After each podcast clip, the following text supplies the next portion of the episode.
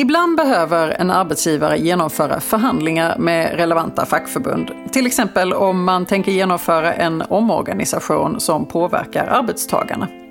En sån förhandling påkallas genom en förhandlingsframställan. Och idag ska vi gå igenom vad en sån förhandlingsframställan bör innehålla.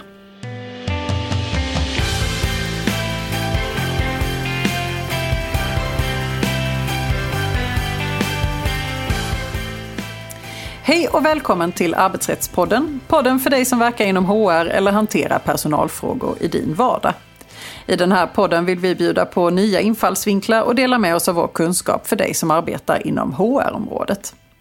Jag heter Emelie Svensäter Jerntorp och arbetar som advokat inom arbetsrätt här på Vinge. Och med mig idag har jag min kollega Daniel Melander Björner som också arbetar inom arbetsrätt på vårt Malmökontor. Hej Daniel! Hej Emelie! Ja, idag ska vi prata om förhandlingsframställningar. När behöver man egentligen ta fram en förhandlingsframställan? Det behöver en arbetsgivare ta fram eh, i det inledande förfarandet av en eh, förhandlingsprocess. Det vill säga när man skickar över och påkallar en förhandling. Så det är absolut i början av processen. Eh, och en sådan, du säger skicka över, det innebär ju att det här är någon form av dokument. Den bör vara skriftlig. Mm. Ehm, syftet med en förhandlingsframställan är ju att ge facket en så bra grund som möjligt och sätta ramarna för eh, själva förhandlingen. Och därmed så behöver den ju såklart ha ett eh, ganska gediget innehåll. Ehm, vad behöver den innehålla egentligen? Ja, men först och främst så behöver ju facket veta ja, men vilket bolag är det som vill förhandla. Så det bör innehålla uppgifter om bolaget och eh, även ett organisationsnummer. Så egentligen för att eh, fackförbundet ska kunna kolla i sina register eh, ifall man har ett kollektivavtal eller ifall det är så att man har några medlemmar som är eh, arbetstagare på det här bolaget. Mm. Är det någonting mer man behöver ange? Ja, det är bra också om eh, arbetsgivaren anger eh, på vilket lagrum det är som man eh, påkallar förhandlingen. Och det är då eh, tionde, elfte eller trettonde paragrafen i eh, MBL, alltså lag om medbestämmande i arbetslivet. Och vilken av de här paragraferna som det är, ja, det beror på om man har kollektivavtal eller inte kollektivavtal och även vad det är man vill åstadkomma genom förhandlingen. Så det kan vara lite olika, men det är bra att redan på ett tidigt stadium meddela vilken paragraf man hänvisar till i själva förhandlingen. Och i samband med det kan det också vara bra att om det är så att man har ett kollektivavtal med fackförbundet så kan det vara bra att eh, understryka vilket avtal det är redan i förhandlingsframställan. Mm. För att man då ska kunna ge eh, facket en, en bra eh, grund för eh, vad det är man egentligen vill förhandla om. Eh, vad behöver man tänka på där?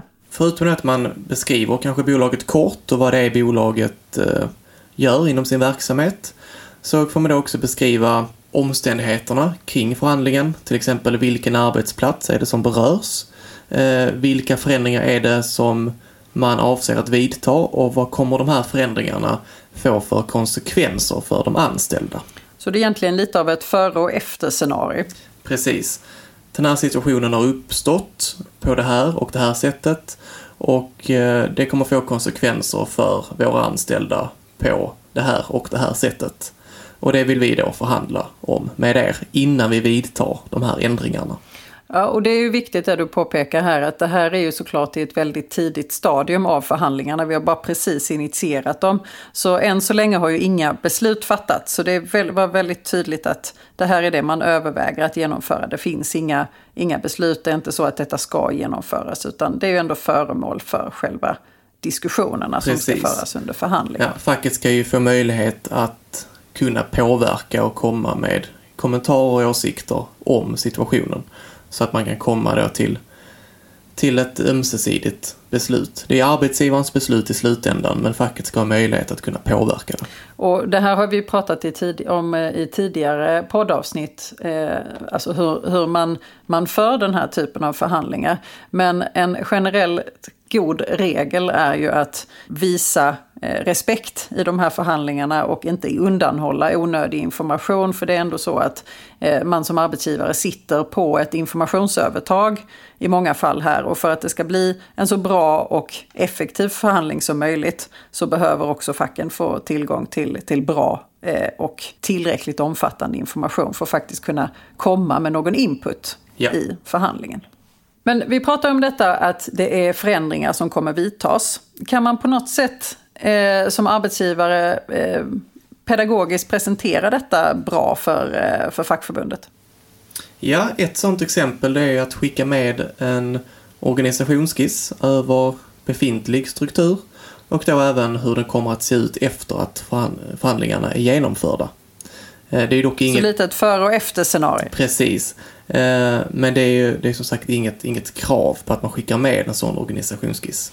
Nej, men det, det, det är ju ett jättebra tips för det, det är ett bra sätt att faktiskt eh, dels ge information om hur, hur organisationen ser ut men också på ett, på ett tydligt sätt demonstrera hur man tänker sig att förändringarna ska se ut. Och då är det såklart på mer av en organisationsnivå ifall det då är en organisationsförändring som kanske medför en, en arbetsbrist.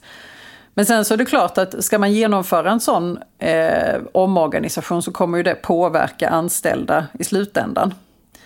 Och eh, då brukar man ju prata om att man behöver bifoga en så kallad turordningslista. Vad är det för någonting? Precis, turordningslistan ska ju tas fram inför, inför en arbetsbrist. Ja, man tar fram en turordningslista baserat på de anställdas anställningstid. Och sen så markerar man i turordningslistan vilka positioner är det som kommer att drabbas av eh, den här omorganisationen. Så att man ser vilka anställda som det även berör. Och sen så såklart, sen får man ju gå igenom den här processen med först in sist ut. Men detta det, det är föremål för ett, för ett helt annat poddavsnitt. Men eh, man kan väl konstatera att för, att för att facket ska få en god överblick så kommer de att behöva ha en turordningslista. Eh, för, för att se ifall deras medlemmar berörs och också eh, vilka konsekvenser en eventuell arbetsbrist till exempel får i slutändan. Mm. Så då har vi egentligen skickat med en, en organisationsskiss, vi har skickat med en turordningslista, vi, vi har gett en bakgrundsbeskrivning eh, av de förändringar som man, man då skulle vilja göra och även då vilka konsekvenser detta kan få för de anställda. Är det någonting annat man bör eh, plocka med i förhandlingsframställan? Eh, ja, men en förhandling ska ju som utgångspunkt genomföras skyndsamt. Och det är bra också om man påbörjar förhandlingen så snart som möjligt efter att man har påkallat förhandling. Så då kan det vara en god idé att även komma med förslag på tid eh, och även plats. Till exempel om, det ska, om man vill att förhandlingen ska hållas fysiskt eller om man vill att förhandlingen ska hållas över ja, men videosamtal eller telefonsamtal. Ja, det där har ju förändrats ganska mycket de senaste eh, åren i och med pandemin. Det är mycket mm. som förs via, via någon typ av videosamtal numera. Kan, kan vara väldigt effektivt. Verkligen. Men det är klart, sätta ut en tid för förhandling. Men det finns ju egentligen inga tydliga regler som säger när förhandlingen ska sättas ut. Utan det är ju helt och hållet upp mellan parterna. Utan det här handlar mest om att initiera det så att man på ett tidigt stadium faktiskt hittar en relativt snar tid för, för själva förhandlingen. Precis. Hur, hur är det med informationen i en förhandlingsframställan? Är den eh, automatiskt eh, konfidentiell så att facket håller den för sig själv? Eller hur, hur fungerar det? Ja, den är automatiskt så är inte informationen, eh, alltså den omfattas inte av en tystnadsplikt.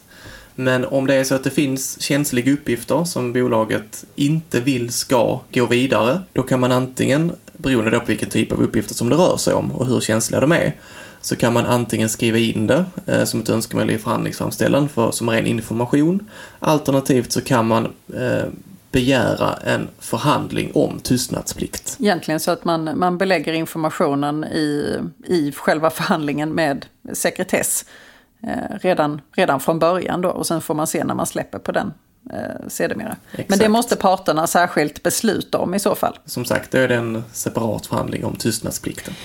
Jag vet att i många förhandlingar som, som vi har drivit så eh, brukar man prata om någonting som man kallar för en, en konsekvensanalys eller en, en riskanalys rörande arbetsmiljön. Vad är det för någonting? Precis, om det är inför en, en omorganisation så eh, är en arbetsgivare också skyldig att se över vilka, vilka risker finns med den här omorganisationen och vilka konsekvenser skulle riskerna kunna medföra ur en arbetsmiljösynpunkt. Så det innebär att man även kan med, eller bifoga till förhandlingsframställan ett dokument där man listar riskerna eh, och ser då sannolikheten för hur, om det kommer inträffa eh, och konsekvenser i så fall. Eh, och det kan ju vara såväl fysiska risker men även psykiska. Om man till exempel säger upp tre personer av fem på en avdelning, ja, men hur kommer då arbetsmiljön att påverkas för de två resterande personerna som ska finnas kvar i organisationen?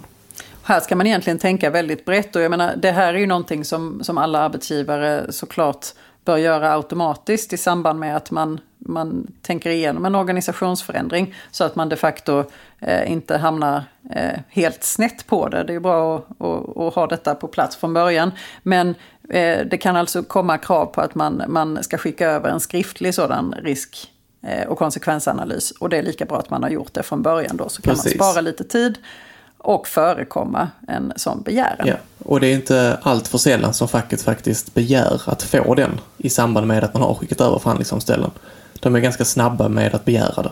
Finns det någon annan dokumentation som man kan tänka att behövs? Ja, det skulle vara om man har upprättat en skriftlig eh, omplaceringsutredning, exempelvis, som man kan bifoga till förhandlingsframställan.